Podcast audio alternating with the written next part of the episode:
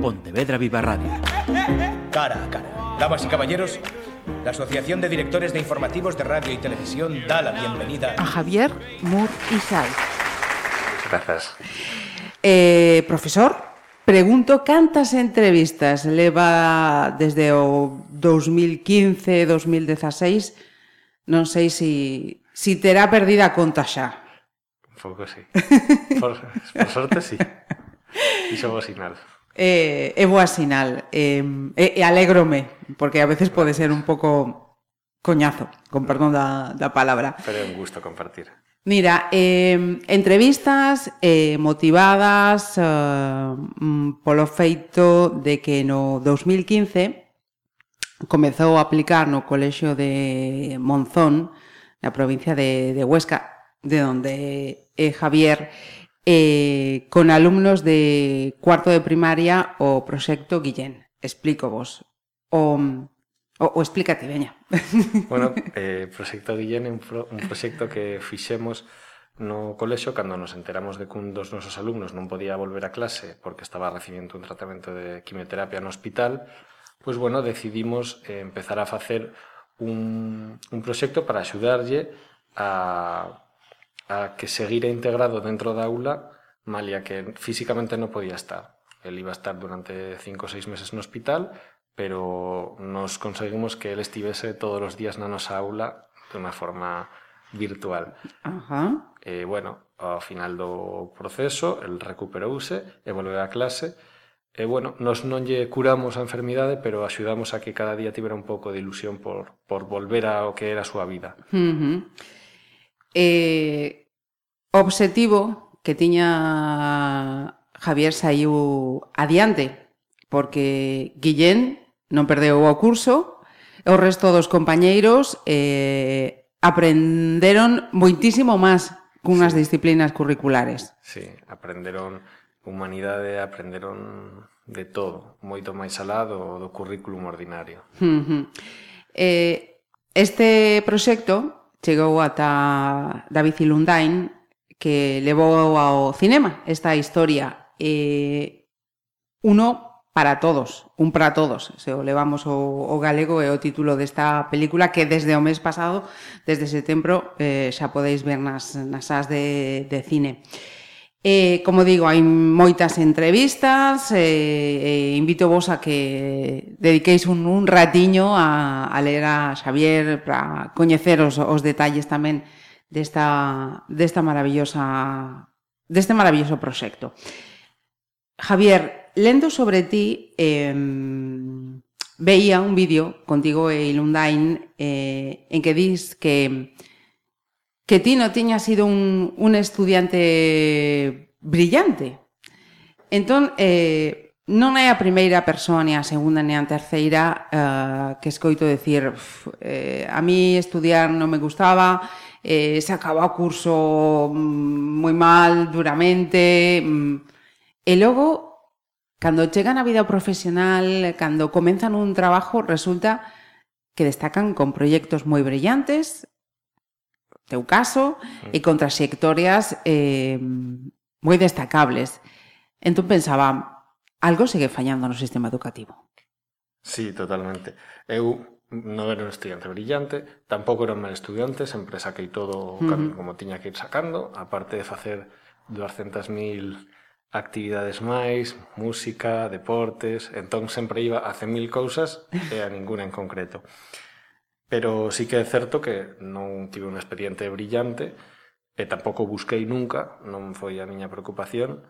Eh, e, na carreira quizáis un pouco máis, pero tampouco, porque sempre como iba sacando, pois pues, tampouco me complicaba máis. E, eh, e logo cando cheguei a, a ser mestre, eh, bueno, fixen psicopedagogía tamén porque pensaba que notaba que me faltaba algo máis, E, e unha das primeiras cousas que, que me, que me decidín é que non quería que os alumnos lle pasara un pouco o que me pasara a min, uh -huh. eh, que vas por ir. Uh -huh. Entón, eh, penso que a motivación do alumnado eh, é unha cousa que, que os docentes e as docentes temos que, que ter moi en conta e traballalo moito. Saber chegar aos seus intereses, que isto non é que diga eu, isto xa a pedagogía leva dicindo centos de bueno, centos de anos non, pero varias décadas. Achégase. Varias décadas sí. Eh, e parece que non, non chegamos ali. Uh -huh. Pode poñelo hasta, na, hasta nas leis, pode poñelo, pero nunca se chega a identificar o, o, a motivación do alumnado. E outra cousa importante é o talento. O talento que ten o alumnado e traballar en detectar cales son as súas potencialidades e fomentalas, e, e, e darlles o entorno para que poidan traballar e crecer como persoas naquelo que que, que lles motiva. E evidentemente, dentro de unha escolarización que teñen que tocar moitas máis áreas que só as que lles interesan, porque uh -huh. eh, é necesario que que teñen unha formación sí, completa. Ter un, uh -huh. ter un paraguas amplo. Pero bueno, sobre todo, darlles a, as ferramentas para que poidan desenvolver aquelas cousas nas que son fortes. Eh, e se si empezamos isto xa na primaria ou incluso en infantil, e non esperamos a que a xente acabe o seu, a súa formación, empece a traballar, descubra que lle motiva e despois de descubrir que lle motiva entonces teñen experiencias de éxito, pois igual melloramos un pouco incluso como sociedade, como país. Si permitimos que haya xente que xa desde os 15, 18 anos xa está estudando uh -huh. que quere estudar porque xa o descubriu. Eu, por exemplo, cheguei a elexir a titulación para estudar a carreira e elexí no mesmo día que tiña os papéis diante non tiña unha vocación clarísima, porque sí que é certo que sempre traballara con nenos, etc. etc pero non ninguén me orientou uh -huh. a, a axudarme a descubrir esa, sí, sí, esas sí. cousas. Entón, penso que hai que facer moito traballo ese de orientación na, nos centros, porque o orientador escolar, e isto me toca un pouco de cerca, non ten que ser ese que está simplemente para solucionar problemas. Ajá. Ten que estar para outras moitas cousas, pensar en positivo, non só en apagar, en apagar o lume. Entón, bueno, penso que iría un pouco por, por ali, en, en detectar os talentos do alumnado, en motivar, en que a función da orientación ten que ser moito máis constructiva e non simplemente reactiva a, Ajá, aos problemas que xurden. Uh -huh. Precisamente o, o sinalabas a, a motivación, ¿no? A, asumimos con normalidade cun, cun estudiante eh, vai, vai ao centro mmm, pois mmm, como se din porque é a túa obriga, ¿no? Totalmente desmotivados e porque non lles toca a, a outra. E iso ti como mestre o tes que, que notar día a día. Totalmente. E ali tamén eh, que non se me enfade ninguén, pero é responsabilidade dos mestres e das uh -huh. mestras. Temos unha gran responsabilidade en conseguir que os nosos centros sexan lugares atractivos para o alumnado. Se si o noso alumnado vai chegar a un colexio e simplemente vai estar a, ao que veña eh, e cousas que non teñen nada que ver co, co seu interese, pois mm, dificilmente vai vir motivado e o que temos que facer é todo o contrario, darlle a volta e conseguir que, que veñan con, con ganas de, de querer aprender e a partir dali podemos analizar por que non se fai en primer lugar, pois, sobre todo la administración podría meter máis recursos porque un profe que ten 25 en primaria ou 30 en secundaria dificilmente vai chegar Na, a cada un a cada un como uh -huh. debería chegar. Si, si dividimos as 5 horas lectivas entre 25 alumnos, A cada, a cada alumno lle quedan 10 minutos de profe con sorte, mm. al que máis, a outros, a outros dous. Ni... Entón, bueno, penso que en primer lugar sería eso, baixar ratios. E, en segundo lugar, formación do profesorado. O profesorado moitas veces simplemente reproduce o que eles viviron como, como estudantes e reproducen o como mm. docentes. Mm -hmm. eh, por sorte, a educación nestes últimos 20, 30 anos cambiou bastante, Pero, por desgracia, hai moitos profesores e profesoras hoxe en día que simplemente siguen reproducindo modelos que eles tiñan, como, eles, como con eles funcionou, siguen facendo o mesmo. Entón, penso que, que os docentes temos que, que romper un pouco con, con, esa, con, con esa situación con... porque é a nosa responsabilidade de conseguir que os colexios uh -huh. sexan un lugar atractivo. atractivos. Uh -huh. En relación coa pregunta anterior, eh, sigo escoitando os pais que, que din os rapaces siguen sen saber estudiar non aprenden a estudiar, eso lóxicamente repercute no apego, no desapego, sí. e no aprendizaxe, sí. en definitiva. A ver, aí tamén hai que hai que pensar ou hai que facerse as preguntas diferentes, porque para que estudiar e que estudiar? Ajá. Porque claro, hai moitos pais que pretenden que os seus fillos ou fillas sigan aprendendo eh, todo seguido os ríos da vertiente atlántica.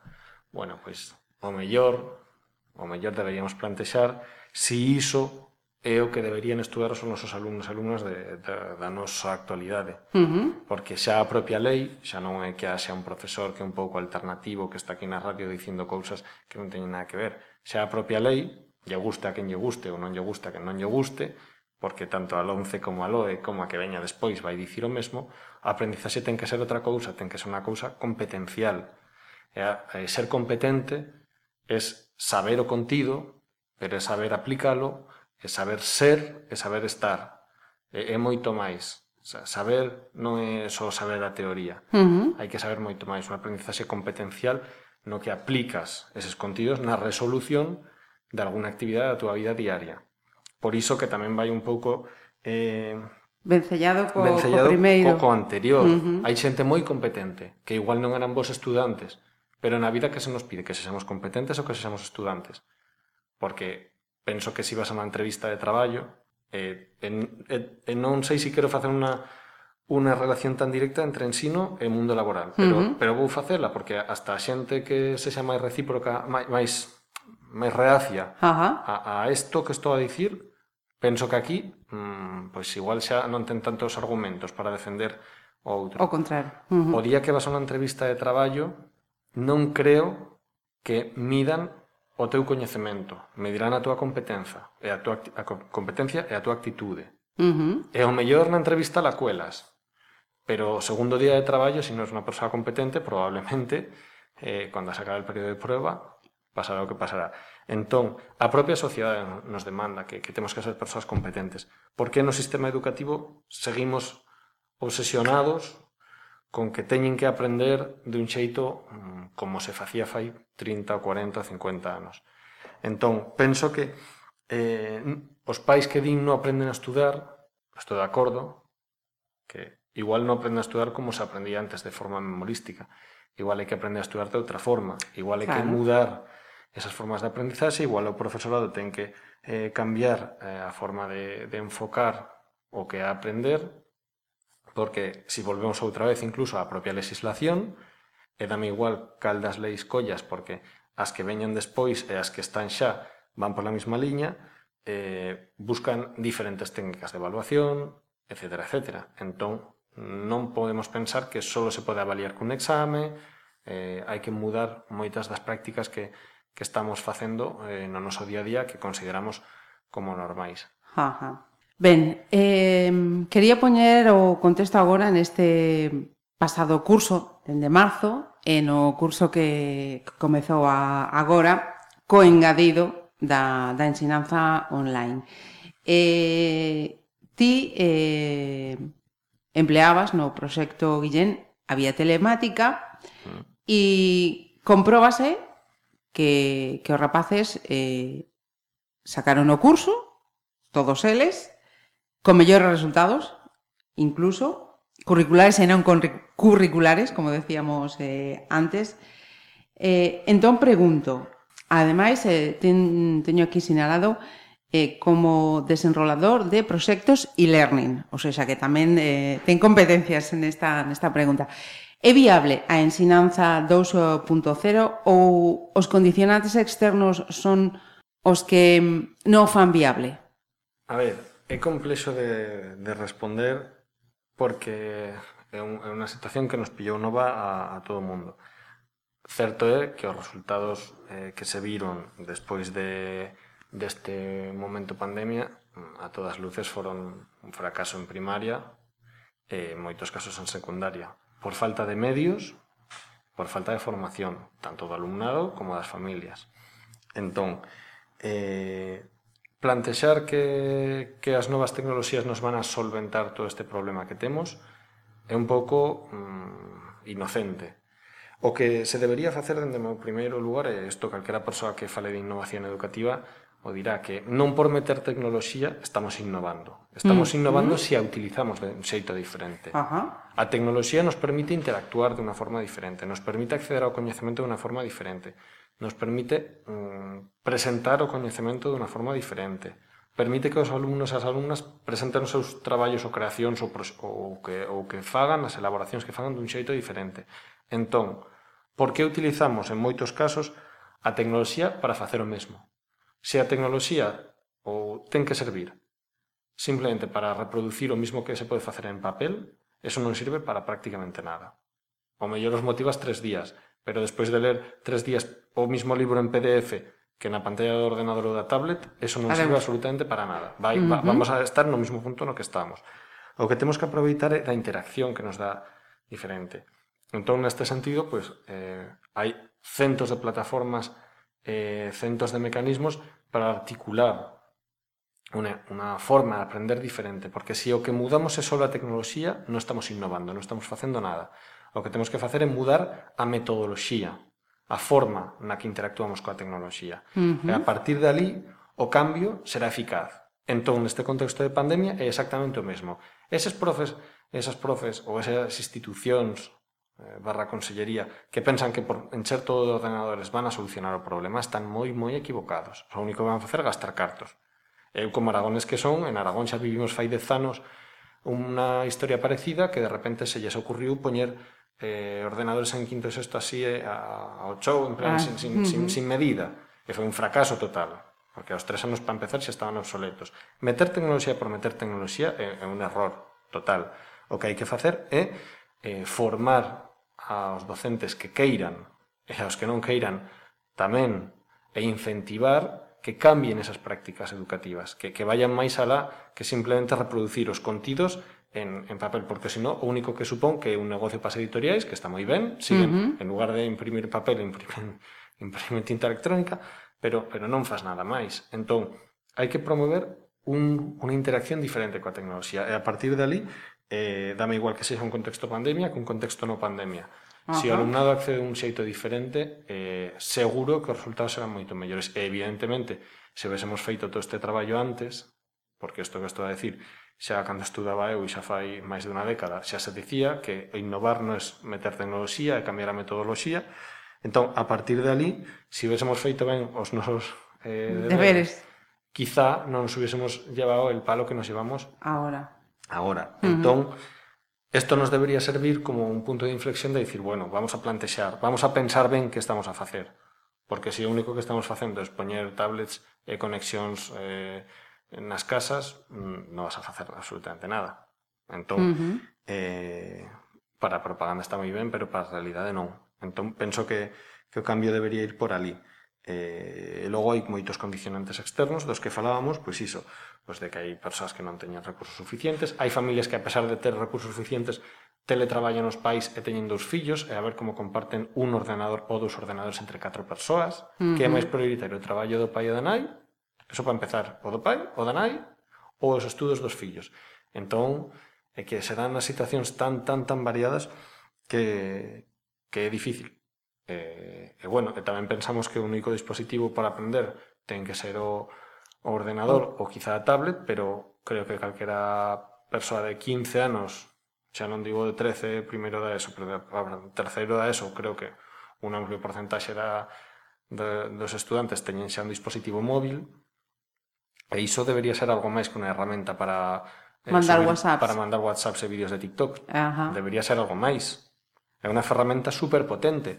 E te mola, eh, para mandar mensaxes, pues, é unha tontería ter un teléfono de X diñeiro para non facer nada máis que mandar mensaxes. Iso, o sea, non sabemos ni siquiera aproveitar todo o potencial que teñen esas ferramentas. Ajá. Entón, bueno, penso que debería ir un pouco máis por, por esa liña. Mudar a metodoloxía e non a tecnoloxía. Ajá. Non está a cosa nada ben, entón, feita, plantexada, ni nada pro, polo estilo. A ver, mm, tampouco é unha crítica á totalidade, uh -huh. porque eu penso que moitas veces eh, se fai, non se fai ben por descoñecemento, non por vontade, uh -huh. eu non creo que haya... Claro, pero decías, ah, hai dez anos, es que isto non é eh, algo e, que... E máis tamén que se fala de, de isto, pero certo é que a propia legislación o que dicía antes, fala de competencias, fala de diferentes formas de evaluación, fala de moitas cousas, pero eh, non hai logo medidas eh, reales para incentivar isto, para poñer isto en marcha. Uh -huh. no, eu, desde, o meu punto de vista, eh, falta chegar a que eses docentes queiran empezar a cambiar, porque si, non podes... Eh, hai xente que iría pola vía de obli obligar, bueno, xa está na lei, Uh -huh. É evidente que non se fai. Entón, igual hai que incentivar, non sei como, si económicamente ou como sexa, esta, estes procesos de, de cambio e de evolución. Uh -huh. Porque certo é que hai un par de convocatorias de premios de educación nacionales, non sei que, pois como que le vei eu, tamén hai iniciativas privadas que, que está moi ben, pero al final acabamos participando os mismos de sempre, Ajá. porque xa, é todo un círculo, xa xente se coñece, hombre, te veo aquí, hombre, te veo... Al sí, final sí, é así, sí. é un clube de xente que vai a premios de educación por innovar co mismo de sempre, ademais. Ajá. Entón, penso que deberíase eh, incentivar bastante máis dentro da Administración Educativa esa esa innovación esa. do profesorado. A partir dali, e como, iso xa é unha cousa que penso que sindicatos eh, e eh, eh, a Administración uh -huh. deberían negociar Pero bueno, hai outros países e outras comunidades nas que os incentivos económicos ao profesorado son bastante máis.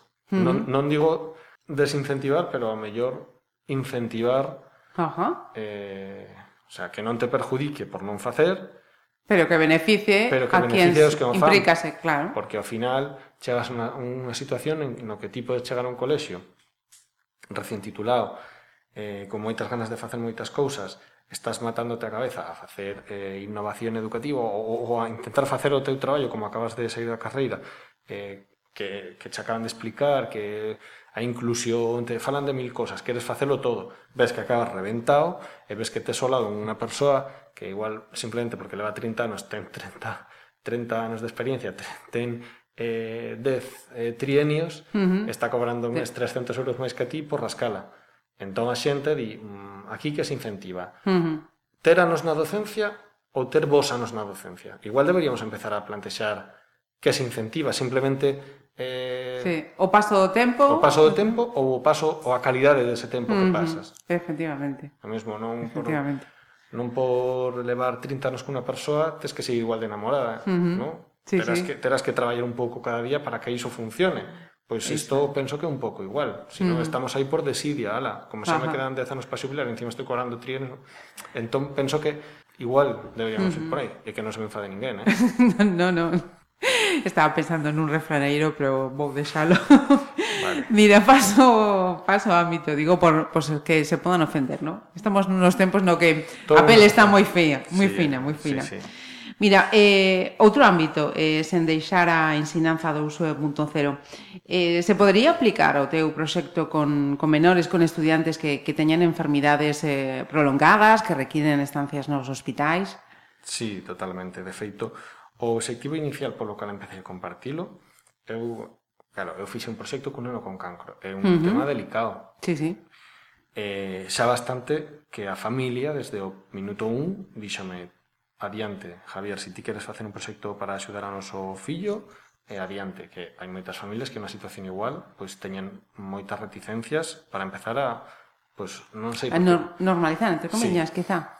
Entón, bueno, eu fixen un proxecto que sempre dixen que ojalá nunca hubiese tido que facer. Ajá. Ojalá non tuviese que estar aquí. Pero las circunstancias foran as que foron tiña un neno con cancro e a partir dali eu decidí non quedarme de brazos cruzados. Cando acabou todo isto, falei co, co inspector, eh, coa familia de, de Guillén, e eh, eles mesmos foron os primeiros que me dixeron, home, pois pues é que isto sería bo compartilo, porque hai situacións que serán similares, e, eh, e eh, bueno, estaría ben que haya xente que coñeza que se pode facer algo máis. Uh -huh. Entón, bueno, eh, apunteime a un par de congresos para ir a expoñer o traballo, e nun destes, eh, hubo alguén que me dixo, tes que presentalo aos Premios Nacionais de Educación eh, porque aí seguro que así chegará moita, moita máis xente, si, si a final chegas a, a tal, e dixen, bueno, pois pues, aí que fun, presentei, uh -huh. Eh, coa circunstancia de que, pois, pues, si, ese año Seguiu gañando. gañamos o Premio uh -huh. Nacional de Educación. Eh, bueno, eh, esto, ademais dunha peli que comentaras, eh, tamén trouxe un documental que se chama Proxecto Guillén, uh -huh. que espero que non tarde moito en chegar a plataformas de, de streaming para que a xente poida, poida ver. Eh, no que o, o chico que o fixo eh, díxome, mira, eu vin na tua experiencia, ele é realizador audiovisual, e díxome, gustaríame poder eh, facer algo para que a xente en media hora vexa isto e vexa que se pode facer algo. Uh -huh. Igual eh, non hai que facer exactamente o mesmo que fixemos nós, porque probablemente non vas poder, porque Tes que ter unhas circunstancias para poderlo facer, que eu nese caso a familia quixo, o colexio me deixou facer todo o que quixen, uh -huh. as familias do alumnado me deixaron facer, o alumnado se implicou un montón. Bueno, foron as circunstancias que o proxecto... Todas a favor, sí, sí. sí. Pero bueno, eh, simplemente que haya xente, que, que haxa xente que, que vexa esta, esta, esta realidade que, que nos nos atopamos e diga, home, pois algo se pode facer. Pois eh, a, a final, eh, eu cando, cando presentei a documentación do Ministerio, os datos de hoxe non os sei, pero en 2015 eran 1.400 casos de cancro infantil en España cada ano. Home, pois con que valga para un só, compartir todo isto xa, xa valeu a pena. E, e me consta que sí, que grazas a empezar a compartir este proxecto hai moita xente, e algúns ao principio eh, me escribían directamente a mí. Esta semana o mércoles ainda me, me escribiu outra persoa por un proxecto parecido de ver como pode, como poden facer para integrar unha persoa que está fora. Uh -huh. Porque eh, eh, respondendo a túa pregunta e logo paso a outra que me, que me pongo eu, eh, sí, este proxecto penso que debe ser replicable, que hai xente que, que se vexa unha situación difícil e eh, decida facer algo, e que Ajá. vexa un exemplo que non pretendo para nada ser un exemplo para ninguén, pero que mm. vexa un, una, una posibilidade que é factible. Que, que se pode facer. Uh -huh. eh, e unido a isto, o que decía antes, Estes anos tiven a sorte de coñecer persoas que, que me aportaron moitísimo por, a, tras haber tenido la, la desgracia de pasar un momento duro. Eh, hubo, un, hubo un rapaz en, en un congreso en Sevilla que el me, el me decía para mí o máis duro non foi os dous anos que estiven eh, enfermo el este tipo tamén cancro eh, estuvo dous anos fora da súa aula uh -huh. iso, para mí o máis duro e, e non te lo vas creer pero para mí o máis duro foi volver. Volver á miña vida e ver que nada estaba aí. Dixo, eu pasei no peor cando volvín á clase que cando estaba fora. Eu volvín e prefería volver a estar no hospital. Porque a miña clase xa non contaba comigo. Eu xa era, estaba desaparecido. Eu xa non pintaba nada nesa realidade.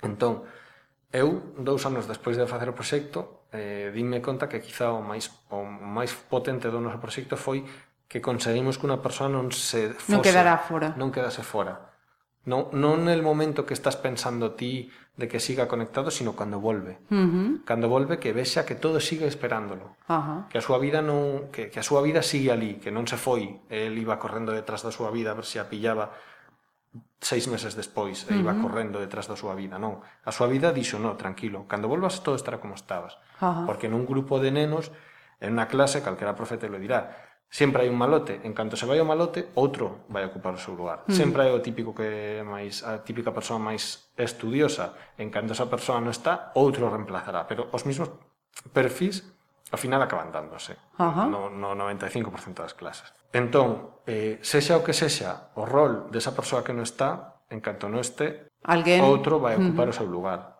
E eh, o que temos que dicir é, eh, bueno, esta persoa vai volver. Eh, nos vamos a estar esperando que volva. El ou ela ten que ter claro que cando volva a súa vida está esperando. Que non perda as ganas de volver a súa vida porque a súa vida sigue ali. Porque é moi duro que unha persoa que despois de dous anos eh, tendo un tratamento eh, me dixera que para el foi horroroso volver bueno. a súa vida. Que prefería estar no hospital. E decías... Uf. Como, como tivo que ser aquela volta? Digo, pues, uh -huh. Creo que nos nese sentido, pois, pues, eh, ofrecemos algo que, que, que podes, evita esa circunstancia. Que pode, que pode axudar a minimizar iso. Non no caso mm. evitou non, pero sí, sí. polo menos minimizar eso. Que a persoa que está fora non vamos curar, pero vamos a conseguir que teña un pouco de ganas de vivir, eh, uh -huh. de, de volver a súa vida. Entón, penso que por ali claro. eh, iría un pouco. Uh -huh. E como favor, a seguinte pregunta, despois do que acabo de dicir. Mira, eh, um, como psico, psicopedagogo, hmm que habería que, que, que implementar, mudar, para que mm, a pegada que o coronavirus vai deixar nos, nos escolares sexa a máis leve posible? Bueno, eh, eu penso que, que quizá os que menos eh, o vayan matar van ser os, os alum, os, os, os cativos. Penso que son, son bastante máis fortes do que nós pensamos. Uh -huh. Eu, eso descubrino o ano de, do Proxecto Guillén, que eles ensinaronme unha entereza e unha fortaleza, quizá pola súa inocencia, que nós non tiñamos. Quizá os adultos estamos bastante máis preocupados de mil cousas, que eles logo naturalizaron moito máis. Uh -huh. Penso que, que debemos eh, aprender un pouco de, de elas e de eles e deixarlles eh, facer para que pouco a pouco retomen. Evidentemente, penso que cando se poda volver a unha situación mm, sanitaria na que as interaccións entre, entre alumnado sexan outra vez posibles e profesorado, penso que hai que fomentar moito outra vez todo o que é a interacción entre alumnado para que, pois, pues, eso, actividades que sexan prácticas, que non sexan como ahora que algún debe estar emocionado de poder ter outra vez os alumnos separados e todos mirando para adiante porque habrá alguén que estará encantado desta situación, non, non sanitaria, sino, mm. peda, sino de ter os alumnos perfectamente controlados sin que ninguén... Exacto, que ninguén mm. levanta a cabeciña, que ninguén se mova e tal, non sei que alguén en ese sentido pode estar hasta cómodo, pero mm. eu personalmente me desesperaría, eu necesito mm. que se movan e, e penso que nese sentido, pois, en canto se poida, pois hai que volver a, a meter todas estas prácticas de de traballo cooperativo, pero de verdade, ¿eh? non como agora que están en plan co, con, con moitas precaucións. Unha aprendizaxe moito máis práctica eh, e, e ao maior quizá aproveitar para, para romper con ese modelo tan tradicional, formato eh, todos para adelante. Eu falo e ti calas. Sí. E, e bueno, a partir de ali ir para adiante. Ajá. Penso que penso que agora temos que en cuanto a esta situación sanitaria pase, pues temos que aproveitar a situación para repensar e cambiar moitas cousas que hasta agora mm, se viñan uh -huh. facendo e quizá non de xeito máis axeitado. Ajá. Javier Mouri Saiz, moitísimas grazas por este ratiño de charla. Moitas grazas a vos. Un gusto. Pontevedra Viva Radio. ¿Me permiten que les haga un comentario como espectadores del programa Cara a Cara? Según un reciente sondeo de mercado, Ustedes disponen de estudios e inteligencias superiores a la media. Sus intereses abarcan desde la actualidad mundial y la ciencia hasta el deporte y los espectáculos.